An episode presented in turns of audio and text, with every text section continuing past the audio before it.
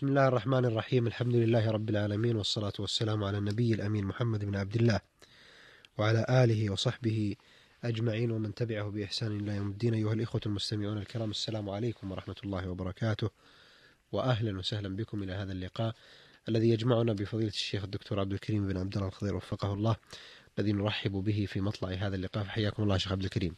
حياكم الله وبارك فيكم. أيها الإخوة المستمعون الكرام لا يزال الحديث موصولا حول آه، هذه الليلة العظيمة ليلة القدر فضلها والعلامات التي تعرف بها.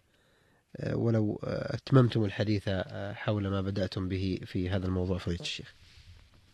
الحمد لله رب العالمين وصلى الله وسلم وبارك على عبده ورسوله نبينا محمد وعلى آله وصحبه أجمعين.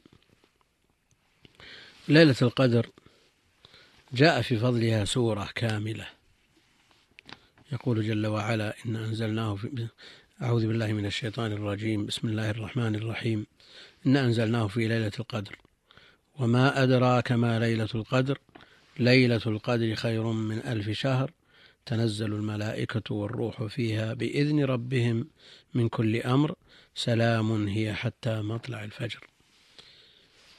قال عليه الصلاة والسلام من قام ليلة القدر إيمانا واحتسابا غفر له ما تقدم من ذنبه. متفق عليه من حديث أبي هريرة.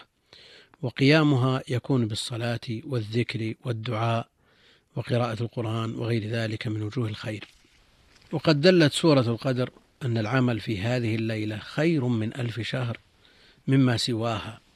وهذا فضل عظيم ورحمة من الله بعباده فجدير بالمسلمين أن يعظموها وأن يحيوها بالعبادة. وأخ وقد أخبر آه، النبي عليه الصلاة والسلام أنها في العشر الأواخر من رمضان وأن أوتار أوتار العشر أرجى من غيرها. فقال عليه الصلاة والسلام التمسوها في العشر الأواخر من رمضان في الوتر. وقال من كان متحريها فليتحرها في السبع الأواخر. غير ذلك من النصوص التي تدل على أن هذه الليلة آه، في العشر وأنها ليست في ليلة بعينها بل هي متنقلة. وإن كان المسألة مختلف فيها بين أهل العلم ذكر الحافظ بن حجر من أقوال أهل العلم ما يقرب من خمسين قولا في تحديدها.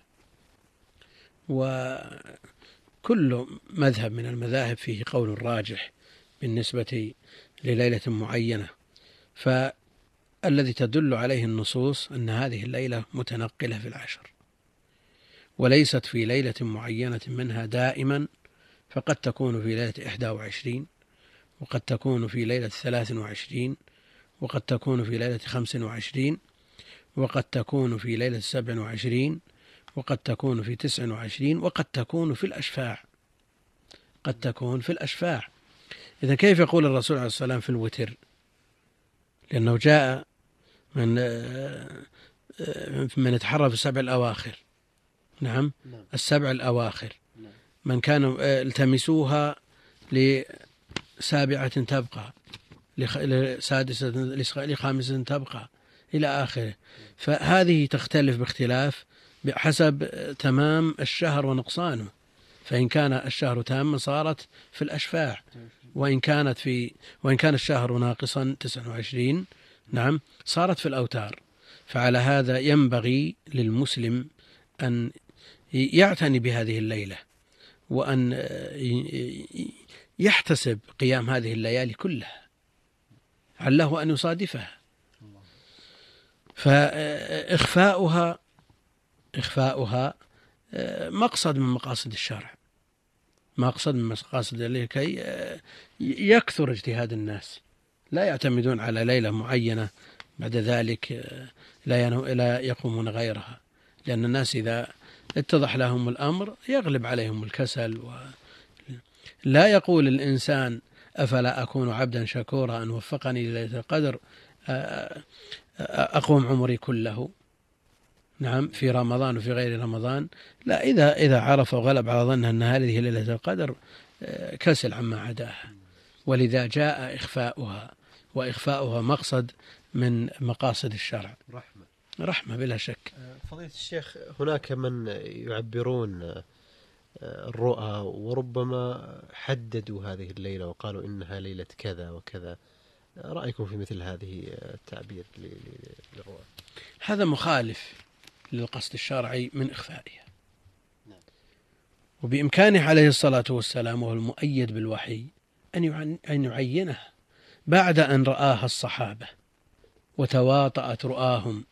الصحابة تواطأت رؤاهم على ليلة بعينها ومع ذلك ما حددها النبي عليه الصلاة والسلام.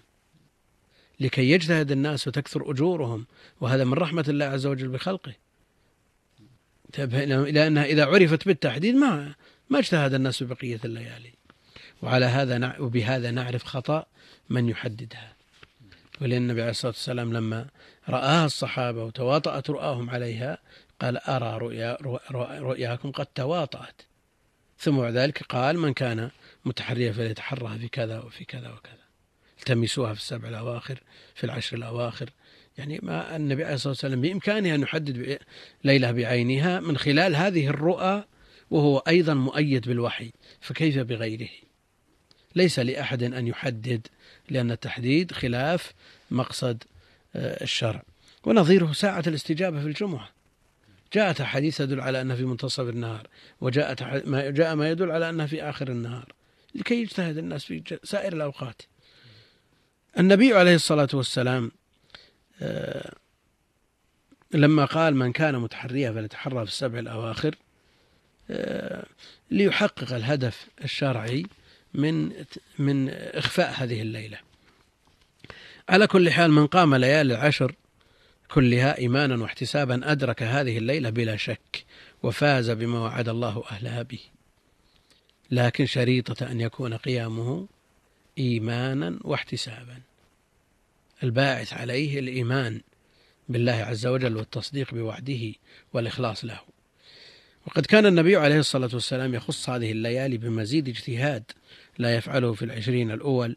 قالت عائشة رضي الله عنها كان رسول الله صلى الله عليه وسلم يجتهد في العشر الأواخر ما لا يجتهد في غيرها. وقالت كان إذا دخل العشر أحيا ليله وأيقظ أهله وشد وجد وشد مئزره إلى غير ذلك وقد تقدم. هل يلزم العلم بليلة القدر؟ يعني هل لا يدركها إلا ولا يحصل له ثوابها إلا من علمها؟ نعم. اختلف العلماء في ذلك والصواب أن من قامها نال أجرها ولو لم يعلم بها. وقول من قال إنه لا ينال أجرها إلا من شعر بها قول ضعيف لأن الثواب مرتب على القيام. لأن النبي عليه الصلاة والسلام قال من قام ليلة القدر إيمانا واحتسابا ولم يقل عالما بها ولو كان العلم شرطا لحصول الثواب لبينه النبي صلى الله عليه وسلم. فضيلة الشيخ يحسن الحقيقة الحديث حول علامات ليلة القدر التي يمكن أن تعرف بها.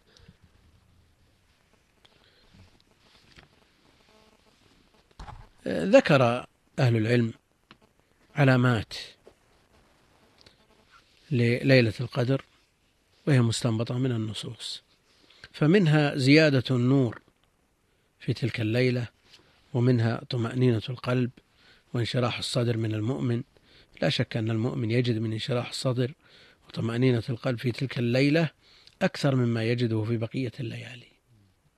لكن متى صدر إذا كان القلب سليم؟ أما إذا كان آه، مدخول أو غافل وساهي هذا مثل هذا في الغالب لا يدرك شيء من هذه العلامات.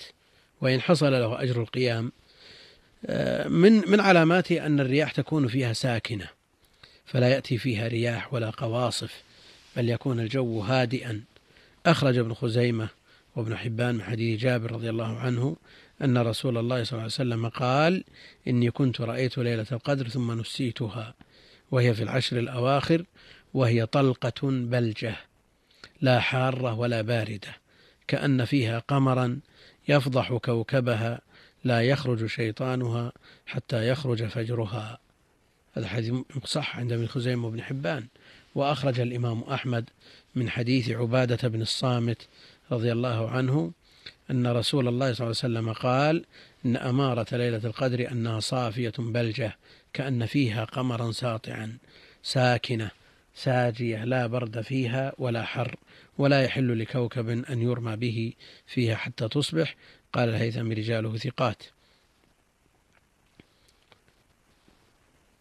أيضا الشمس تطلع في صبيحتها ليس لها شعاع صافية كما في صحيح مسلم من حديث أبي بن كعب رضي الله عنه قال أخبرنا رسول الله صلى الله عليه وسلم أنها تطلع يومئذ لا شعاع لها.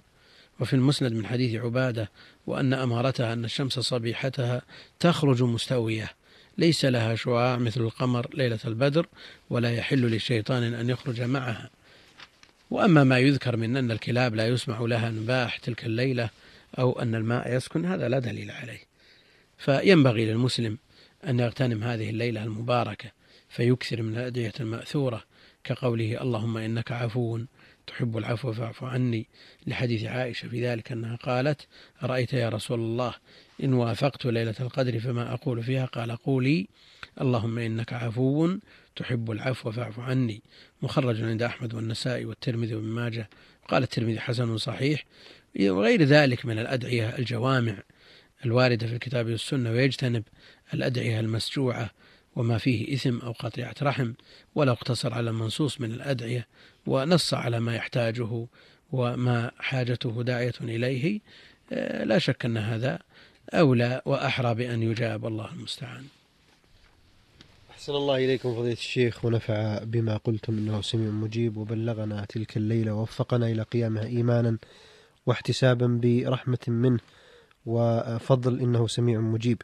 أيها الإخوة المستمعون الكرام بهذا نصل إلى ختام هذه الحلقة. نتقدم في ختامها بالشكر الجزيل لفضيلة الشيخ الدكتور عبد الكريم بن عبد الله الخضير وفقه الله. استودعكم الله والسلام عليكم ورحمة الله وبركاته.